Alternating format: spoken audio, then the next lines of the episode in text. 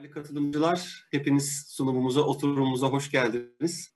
Umarım e, sabahki oturumlardan da büyük keyif almışsınızdır. E, hem açılış konuşmalarından, hem Kaan Bey'den, hem de Yavuz Bey sunumlarından. Şimdi biz de gündemimize biraz daha farklı, biraz daha teknik bir konuyla devam edeceğiz. Bu oturumda bulunduğunuz için teşekkür ediyorum, hoş geldiniz. E, gümrük ve ticarette korumacılıktan, ek vergilerden, COVID önlemlerinden ve bizi neler beklediğinden biraz bahsedeceğiz. E, sizleri çok teknik detaylara boğmaktan ziyade daha çok stratejik olarak neler öngörebiliriz, başımızda neler geldi, bundan sonra neler gelebilir konularında biraz sohbet havasında olacak. Bunu tabii interaktif ve sohbet havasında kılmak için sizlerden bir tek istirhamım var. Sorularınızı bizden esirgemeyin. E, alt taraftaki soru cevap bölümünden sorularınızı yönlendirdiğinizde en son e, soru cevap bölümünde bunların cevaplarını da sizlere memnuniyetle vermeye çalışacağım elimden geldiğince. Eğer cevaplarını e, biraz daha zaman içerisinde bulmam gereken sorular gelecekse ki öyleleri de olacaktır. Onlara daha sonra yazılı olarak döneceğim. O yüzden e, kontak bilgileriniz bizde zaten var. Ayrıca kendinizle paylaşabilirsiniz yine soru cevap bölümünden. E, diyelim ve birazcık konuşmaya başlayalım. Gümrük ve ticarette neler oluyor? E, şöyle başlamak istiyorum ben sunumlarıma genelde bundan bahsediyorum. E, çünkü KPMG'nin uluslararası bir ağ olmasından istifade etmeye çalışıyorum. E, bu değerli konsolide olan global ve küresel bilgiyi sizlere aktarmayı da bir vazife olarak addediyoruz çünkü. E, ekranda gördüğünüz ülkeler 39 tane ülke. KPMG'de benim meslektaşlarımın da aktif olarak çalıştığı gümrük ve dış ticaret bölümlerinin e, faaliyette olduğu ülkeler. Biz gümrük ve dış ticaret bölüm başkanları olarak COVID sürecinde 39 ülke bir araya geldik ve dedik ki bir konsolide metnimiz olsun. Her ülkede güncel gelişmeleri, alınan tedbirleri sizlere e, aktarabileceğimiz bir platform oluşturalım. Dolayısıyla bu platformu oluşturup tabii ülke sayısı 39 ama dünya gayri safi milli hasılasının %70'ini aşıyor muhtemelen bu ülkeler. Bunu da göz önünde bulundurmak lazım. Dünya ticaretinin %80'ini aşıyor. Ee, küresel olarak aslında dünyanın ülkeleri de aşağıda görebilirsiniz. Dünyanın her yerinde birbirinden farklı ülkelerin e, benzer tedbirleri aldığını Covid ile beraber e, dört tane başlıkta, temel başlıkta tedbirlerin alındığını görüyoruz. İşte bunlar nedir? İthalat vergilerinin ödenmesinde yöntem ve usulde farklılıklar gündeme geldi. Bazı ürünlerin veya bazı ithalatçıların ithalatında vergi muafiyeti geldi. Örneğin Almanya dedi ki e, sağlık kuruluşlarının ithalatında vergiyi düşürürüm. İşte e, Türkiye dedi ki e, maskelerin ve solunum cihazlarının ithalatına vergiyi düşürürüm. E, diğer taraftan bazı ülkeler gümrük denetimlerini ertelediler. Fransa bunun bir örneği. E, müfettişlerin yaptığı denetimler pandemi sürecinde ertelendi. Bizde de fiiliyatta bu durumun e, müfettişlerin kişisel inisiyatifiyle gerçekleştiğini gördük. Bir diğer önlem e, ihracatta da açıkçası bazı tedbirlerin alınması oldu. Biz yine bunu kendimizle yaşadık ama bütün dünyanın aldığı, dünyada birçok ülkenin aldığı tedbirlerden biriydi. Örneğin solunum cihazı ile ilgili ihtiyaçlar vardı maske ile ilgili tedarik sıkıntıları vardı. Ne yapıldı? Hemen o ürünlerin ithalat ihracatında önce e, sınırlama getirildi, sonra izne bağlandı. Yavaş yavaş iç piyasanın ihtiyacı karşılandıkça e, bu e, sınırlar kaldırılmaya, izinler kolaylaştırılmaya başlandı. Şimdi tabii Covid ile ilgili ithalatta, ihracatta bu tür önlemler oldu ama biz nereden buraya geldik? Yani Covid olmadığı durumda küresel ticaretin trendi ve dengesi neydi? Biraz bundan bahsetmek istiyorum. E, KPMG'nin çok e, benim de yakından takip ettiğim bir çalışması var. E, CEO Outlook diye. E, dünyada ve Türkiye'de e, çok önde gelen şirketlerin, lider şirketlerin CEO'larına e, CEO'larıyla yapılan bir çalışma bu. Bir anket gönderiliyor. bu anket ve çalışmanın ve raporun içerisinde tabii birçok husus var. Bunlardan bir tanesini ben gündeme aldım. E, dünya CEO'ları ve Türk CEO'lar neleri tehdit olarak algılıyor? Bu tehdit algısı 2018 yılı raporlarında ekranda görüyorsunuz ülkeselliğe geri dönüş yani korumacılık 2018 yılında bile hem Türkiye'de hem dünyadaki CEO'ların en büyük endişesiydi. Tabii bunun gerekçesi neydi? Büyümekte olan, gelişmekte olan ülkelere yatırım yaparak büyümek istiyor CEO'lar. Ama korumacılık da en çok büyümekte olan ve gelişmekte olan ülkeleri kötü etkiliyor. Dolayısıyla bunu bir tehdit olarak algılıyorlar. 2019 yılına geldiğimizde tehditler Türkiye'de ve dünyada birazcık sıralama değiştirdi. Ama hala ilk üçte ülkeselliğe geri dönüş çok önemli bir tehdit algısı olarak devam ediyor. bu algının Türkiye'de dünyanın bir tık üzerinde olduğunu yüzde yirmi ile e, dünyada yüzde on altı bir tık altında oldu. Hatta ikinciliği paylaştığı yıkıcı teknolojiyle beraber ikinci tehdit unsuru olarak algılandığını söylemek mümkün. Neden? Çünkü CEO'larımız şunu da fark etti. Bu korumacılıktan, e, ülkeselliğe geri dönüşten en çok yatırım alan, yatırım çeken, gelişmekte olan ülkeler, gelişen piyasalar, Türkiye gibi piyasalar etkileniyor. Dolayısıyla CEO'larımız da bunu bir tehdit olarak algıladı. Ez cümle biz bir Covid gördük. Dünyanın her yerinde birbirinden farklı tedbirler alındı. Ama e, herkes kendi başına geleni biliyor. Biz şunu bilmeliyiz, bizim yaşadıklarımızı dünyada birçok yer yaşadı. Kartlar yeniden karıldı ve bu başımıza geldiğinde biz zaten korumacılıkla cebelleşiyor idik. CEO'ların bu algısı rakamlara nasıl yansımış bir de ona bakalım.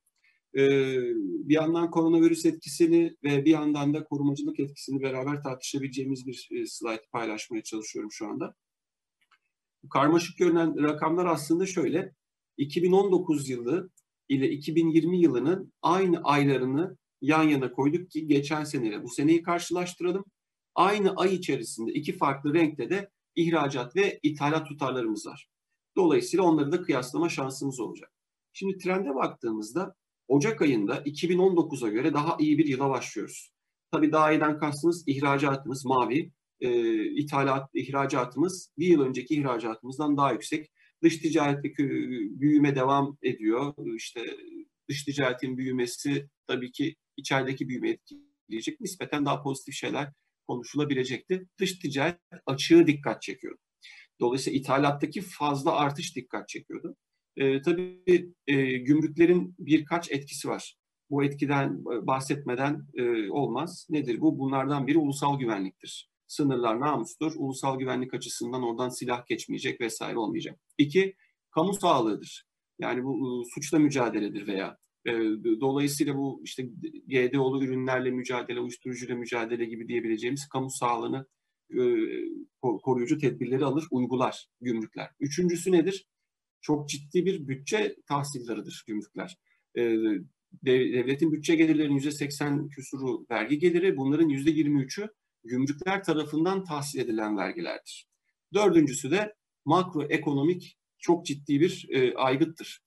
Makroekonomik dengeler için kullanılır. Dolayısıyla biz bu dış ticaret açığını gördüğümüzde bunu yönetmek için korumacılık olarak algıladığımız başka tedbirlerin geldiğini de görüyoruz. O tarihten sonra nedir bunlar?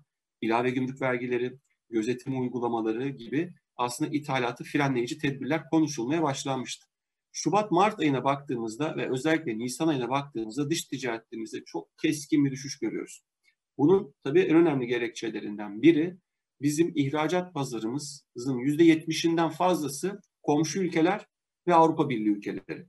E, sınırlarımız anında kapandı. Hatırlayalım e, pandeminin başlangıcında. E, da bir iki ay sonra kamyonların işte şoför değiştirerek bazı yöntemler ticaretin devam etmesi sağlandı. E, diğer taraftan baktığımızda e, Avrupa Birliği'nde kapanma yaşadık hatırlarsanız. Dolayısıyla Nisan rakamlarımız çok kötü geldi. 2019'a kıyasladığımızda e, ve tabii bu düşüş özellikle ihracatta çok radikal oldu. E, Mayıs, Haziran gibi baktığımızda ithalatta yine bir e, aslında artış trendi devam etti. Dolayısıyla biz bu ilave gümrük vergileri, ek mali yükümlülük gibi uygulamalardaki süre uzatımlarını biraz tahmin ettik. Ekim ayına kadar yapılan uygulamalar da malumunuz şu anda yıl sonuna kadar devam ediyor. Birbirinden farklı gibi görünse de bu hususları niye değindik? Aslında e, şu ana kadarkini bir yandan özetlemek gerekirse Covid tedbirleri dünyanın birçok yerinde uygulandı, gümrük uygulamalarında. Bundan sonra e, zaten küresel ticarette bir daralma vardı ve Türkiye bu ortamla mücadele ederken dış ticaret dengesinde e, bu şekilde yönetilmesi gereken bir açık vardı. Tabii Eylül ayı ile beraber bir toparlanma sinyali görünüyor ihracatta. E, ancak Eylül ithalat rakamlarında ciddi bir patlama var. Tabii bunun birkaç gerekçesi var. Bazıları yapısal sorunlar veya durumlar, sorun da demeyelim durumlar. E, da ihracatımızın ciddi bir kısmı teknik açıdan dahilde işleme rejimi kapsamında yapılıyor. Ayrıca e, ithalata bu anlamda nispeten e, iliş, ilintili, e, bağımlı demek istemiyorum ama ilintili. Dolayısıyla bizim ihracatımızın artması da ithalatımızın artışından çok bağımsız olmuyor. Ama e, Ekim ayı ile itibar Ekim ayı itibariyle bu rakamların çok daha istenen düzeye, çok daha sürdürülebilir e, bir düzeye ulaştığını söylemek mümkün an itibariyle. Tabii küresel ticarete nasıl etkisi oldu? E, burada da şundan bahsetmek lazım. Biraz daha zoom out yapalım. Şöyle bir 20 yılımıza baktığımızda aslında bizim dünya küresel ticaretindeki büyüme trendimiz 2008-2009'a kadar ki e, oluşan trendle baktığımızda işte mavi gerçekleşen gri çizgilerde ilk trend. İlk trend devam etseydi zaten biz işte 2023'te 500 milyar dolarları konuşabiliyorduk o zaman. Bu trendin devam etmediğini, dünyada devam etmediğini görüyoruz. 2007-2009 arasındaki finansal kriz bunun Avrupa'ya yansımaları vesaireyle bir aşağıya kırılma söz konusu oldu. V şeklinde mavi kendini toparladı 2011'de ama artık yeni bir trend olmuştu. Sarı renkli çizgi işli e, olan trendi görüyorsunuz. 2011-18 arasındaki trend buydu. Covid öncesinde de bu trendten bir sapma vardı. Farkındaysanız bu sapma söz konusu olmuştu. E, bu da nedir? 2018 yılından itibaren mavinin sarıdan ayrıldığını görüyoruz. O ne kadar sürecekti, nasıl olacaktı bilmiyoruz ama Covid onu iyi ihtimalle bir V, e, daha kötü ihtimalle bir U, belki de bir W yapacak şekilde aşağıya kırdı. Burada da iki tane senaryo var. OECD'nin Dünya Ticaret Örgütü'nün e, yaklaşımına göre. Dünya Ticaret Örgütü diyor ki %13 ila 32 arasında bir daralma bekliyoruz. Bunu güncelledi. Daha iyimser şu anda 9 %9 küsur bir e, daralma bekliyor. İyimser senaryodan daha iyimser bir sonuç bekleniyor. Bu bizim için iyi haber. Dolayısıyla yeşilin de biraz üzerinde bir gerçekleşme göreceğiz. Ee, inşallah e, daha kötüye gitmezse bu vesileyle de e, herkese sağlıklı günler dileğimizi tekrar ben de tekrar etmek isterim. E, dolayısıyla küresel ticarette bu şekilde bir daralma var. Bunun sonuçlarından bir tanesinin de uluslararası tedarik zincirinde kartların biraz yeniden karılması olduğunu söylememiz gerekiyor. Birçok şirketin, birçok fabrikasında üretimde aksamalar oldu. Çünkü diyelim ki Çin tek tedarikçisiydi. Çin'den aldığı e, ürünlerle ilgili olarak Çin'deki fabrika kapandığında işte e, oradaki tedarik sıkıntısından dolayı imalatta sıkıntı yaşayan başka ülke şirketleri üretiminin bir kısmını e, Meksika'ya kaydırmak veya başka şeyleri düşünmeye başladılar. Tabii bununla beraber Türkiye'nin ajandasında bu yeni tedarik zincirinden daha fazla pay almak gibi bir tartışma var. İnşallah bunu da başarırız. Peki küresel ticaretteki daralma dünya büyümesini, dünya varlığını nasıl etkiliyor? Tabii ki e, doğru orantı etkiliyor korelasyonu. Dünya ticareti her zaman dünyanın büyüme oranından daha fazla büyüme oranı göstermiştir. İlk kez 2018-19'larda biz dünya ticaretinin büyüme oranını dünya GDP'sinin büyüme oranının altında gördük. Ee, ama yine de bu korelasyon korelasyon devam ediyor ve Covid'den dolayı daha da fazla daralan dünya ticareti dünya varlığı, dünya GDP'sine negatif etki edecektir. Bu anlamda Birleşmiş Milletler Ticaret Kalkınma Konferansı'nın önceki aylardaki bir tahmini 2 trilyon dolara bu işin mal olabileceği yönünde. E tabii 15-16 trilyon dolarlık bir emisyon dünyaya verildi. Bu ticaretin bu kadar daralmaması için bir önceki slayttaki iyimser senaryodan da daha iyi sonuçlar alınmasında bunun da etkisi var. Ama bu arada ülke ve ekonomiler neyle muhatap olmaya başladı? Ee, işte tabii enflasyonist etkiyle muhatap olmaya başladı. Gümrükler gıda enflasyonuyla da mücadele etmeye başladı. Kotalar verilmeye başlandı vesaire. Ee, bir diğer dikkat çeken husus da tabii piyano endeksinin 50'nin altında olması. Ee, ama buradaki rakamlarda da iyiye gidiş var. Birkaç ay öncesine göre hem beklentiler hem gerçekleşenler e, daha olumlu devam ediyor. Şimdi tabii bu kadar işlemi yaparken e, Türkiye'nin dış ticaret işlemlerinde 2019'un kesinleşmiş rakamlarına göre dikkat çekmemiz gereken şöyle bir husus var. E, işte 7 milyona yakın beyanname işlem görüyor. 7 milyona yakın araç giriş çıkış yapıyor. 90 binden fazla ihracatçı, 80 binden fazla ithalatçımız var. İşte 500'ün üzerinde güncel rakam, yetkilendirilmiş yükümlü statüsü sahibi şirketler var. Ve bu şirketler Türkiye dış ticaretinin inşallah yarıya yakınını gerçekleştiriyor olacak yakın bir zamanda. Dolayısıyla e, ithalat ihracat 374 milyar dolardı. Geçen sene bu rakamda da büyüme var. Bunun içerisine antrepo, transit gibi başka işlemleri koyduğunuzda yarım trilyon dolarlık bir e, işlem hacmi, milyonlarca belge, 10 milyonlarca belge. Bu bizi bir yandan da dijital dönüşüm ve otomasyon ajandasına itiyor. E, gümrükler bunu yapan ilk kamu kuruluşlarındandır. E, konuşmalarımızın, toplantılarımızın çoğunda dile getiririm. E, Birçok kamu kurumunda işte henüz TC kimlik numaramız yokken, e, Mersisler yokken, Takbisler yokken kamu kurumlarında bilge sistemi diye bir sistem 1997 yılında başlandı 99'da pilot uygulama 2000 yılından beri yayın yaygın bir şekilde yani 20 yıl aşkın süredir kullanılıyor. Çünkü gümrükler uluslararası alanda e, her zaman karşılıklı olan bir yerdir, entegre yerlerdir. Yurt dışındaki gelişmiş sistemlerin Türkiye'de kullanıldığını beklemek mümkün. Dijitalleşmeye böyle yumuşak bir geçiş yapmışken e-ticaret ve e-ihracattan bahsetmeden olmaz. Türkiye'nin bu anlamdaki beklentilerinden de bahsetmeden olmaz. Danışmanlık bölümümüzle beraber yaptığımız bir çalışmadan e, koydum bu alıntıyı. Orada e, rakamlarımız 2018'i koyduk çünkü daha çarpıcı bir yıl. 2019 bundan aşırı farklı değil. Ama e-ticaretin payının arttığını zaten gördük. E-ticaretin toplam ticareti oranı %5'in üzerinde Türkiye'de %10'un üzerine çıkması ile ilgili yakın ekonomik programda 3 yıllık planlarda e, tahminler vardı. Bunun e, tabii Covid çok daha kısa sürede gerçekleşmesini sağladı. E, e-ticaretin özellikle perakendedeki payı hızla artıyor. Amerika'da bu oran %20'leri şimdiden geçti. 25'leri bulması, onu da geçmesi düşünülüyor. Dolayısıyla dünyada 2.8 trilyon 2008'de, 2018'de, geçen sene 3.2 idi yanlış hatırlamıyorsam 2019'da. 5-6 trilyon dolara gitmesi an meselesi. Dolayısıyla 2 yılda double up yapan bir hacimden bahsediyoruz e-ticarette. E-ticaret tabii çok bir anlamda küresel. Ee, oradan da biraz e-ihracat konuşmamız gerekiyor.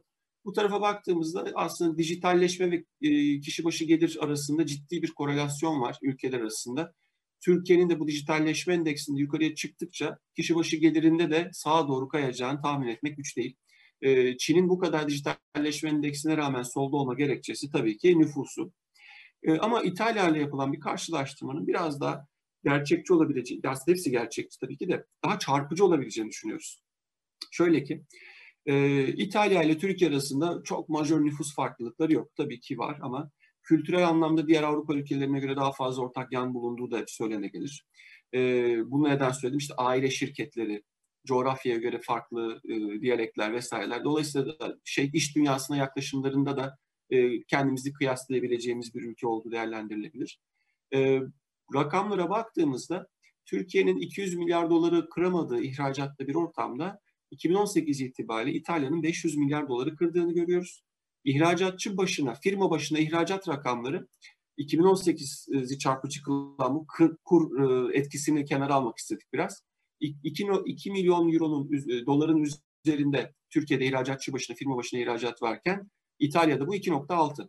Dolayısıyla firma başına ihracat rakamımızın bu kadar radikal farklar yokken 500 milyar dolarla işte 200 milyarın altındaki rakamları karşılaştırdığımızda bu farkın olma gerekçesinin ihracatçı sayısı olduğunu da görüyoruz.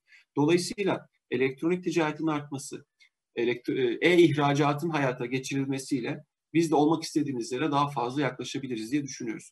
Buna e, herkes hazır mı? Değil. Buna en çok tüketiciler hazır bence. Çünkü tüketicilerin bunu kullanacağı platformlar ve portallar var. E, alışkanlıklar buna göre. Siz düğmeye evinizden bastığınızda o mal yurt dışından mı gelmiş yoksa işte e, komşu ilçeden mi gelmiş çok önemli olmuyor. Aynı şekilde ihracatı da benzer platformlar yapabildiğinizde mikro ihracatçılarımızla ihracatçı sayımızı artırarak, hobilerimizi ihracatçı yaparak çok radikal ilerlemeler e, sağlanması bu anlamda mümkün. Bunun için ne gerekiyor? Gerekiyor bir e, anlayış birlikteliği, stratejik birliktelik. Bu var mı? Aslında var. E, yakın ekonomik programlara baktığımızda Maliye Bakanlığı'nın açıklamalarına baktığımızda, Ticaret Bakanlığı'nın stratejik belgelerine ve açıklamalarına baktığımızda, Türkiye İhracatçılar Meclisi'nin yaklaşımlarına baktığımızda aslında herkesin buralarda hemfikir olduğunu görüyoruz. Yapılması gerekenler ne? Daha fazla teknoloji yatırımı, altyapı yatırımı, e, e-ihracatı destekleyici uygulamaların gümrüklerde de genişletilmesi, e, kolaylaştırıcı işlemler yapılması ve buna devam edilmesi gibi e, konularla biz burada ciddi ilerleme kat edebileceğimizi düşünüyoruz. Şimdi diğer taraftan tabii bu kadar korumacılıktan bahsettik, e, efendim işte teknolojiden bahsettik. Diğer taraftan bütün dünya böyle devam edecek. Ya açıkçası tabii e, çok yeni bir gelişme bu. Sunumumuza sonradan ekledik. E, bir bölgesel kapsamlı ekonomik ortaklık görüşmesi başarılı sonuçlandı. Dünyanın en büyük e, bölgesel anlaşması ekonomik etki açısından. E, biz tabii bir yandan bu dijitalleşmeyi konuşurken daha önceki sunumlarımızda ne derdik? İşte Trump politikalarıyla artan korumacılık vesaire. Şimdi tabii Trump'sız politikalar konuşulmaya başlandı. Tam bununla da eş zamanlı olarak şöyle bir gelişme oldu. 2012'de başlayan müzakerelerde anlaşma kapsamı ülkeleri görüyorsunuz. Yani içinde gerçekten çok büyük ve daha daha önce bir araya gelmemiş ekonomiler var. Yani bu tabii ki hem ticari anlamda hem e, politik anlamda çok şey ifade ediyor.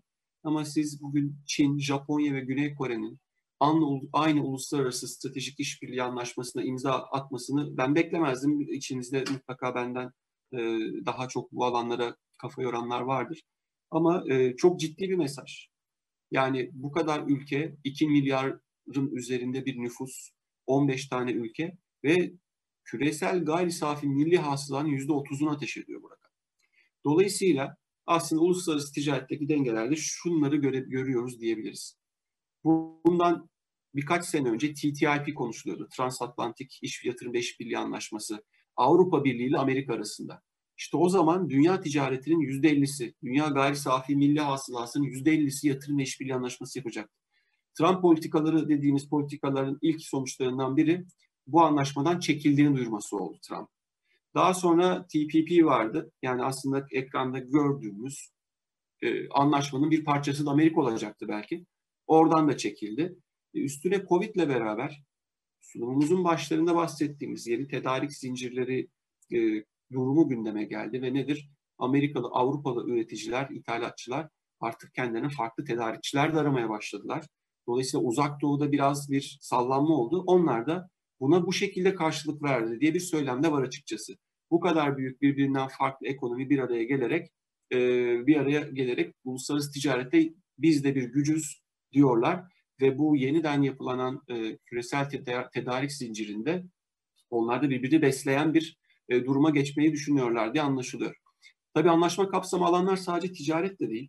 Buna da bakmak lazım. Hizmetler, yatırımlar, e-ticaret, e, telekomünikasyon, telif hakları gibi aslında tam bir yatırım ve işbirliği anlaşması. Sadece basit bir serbest ticaret anlaşması değil.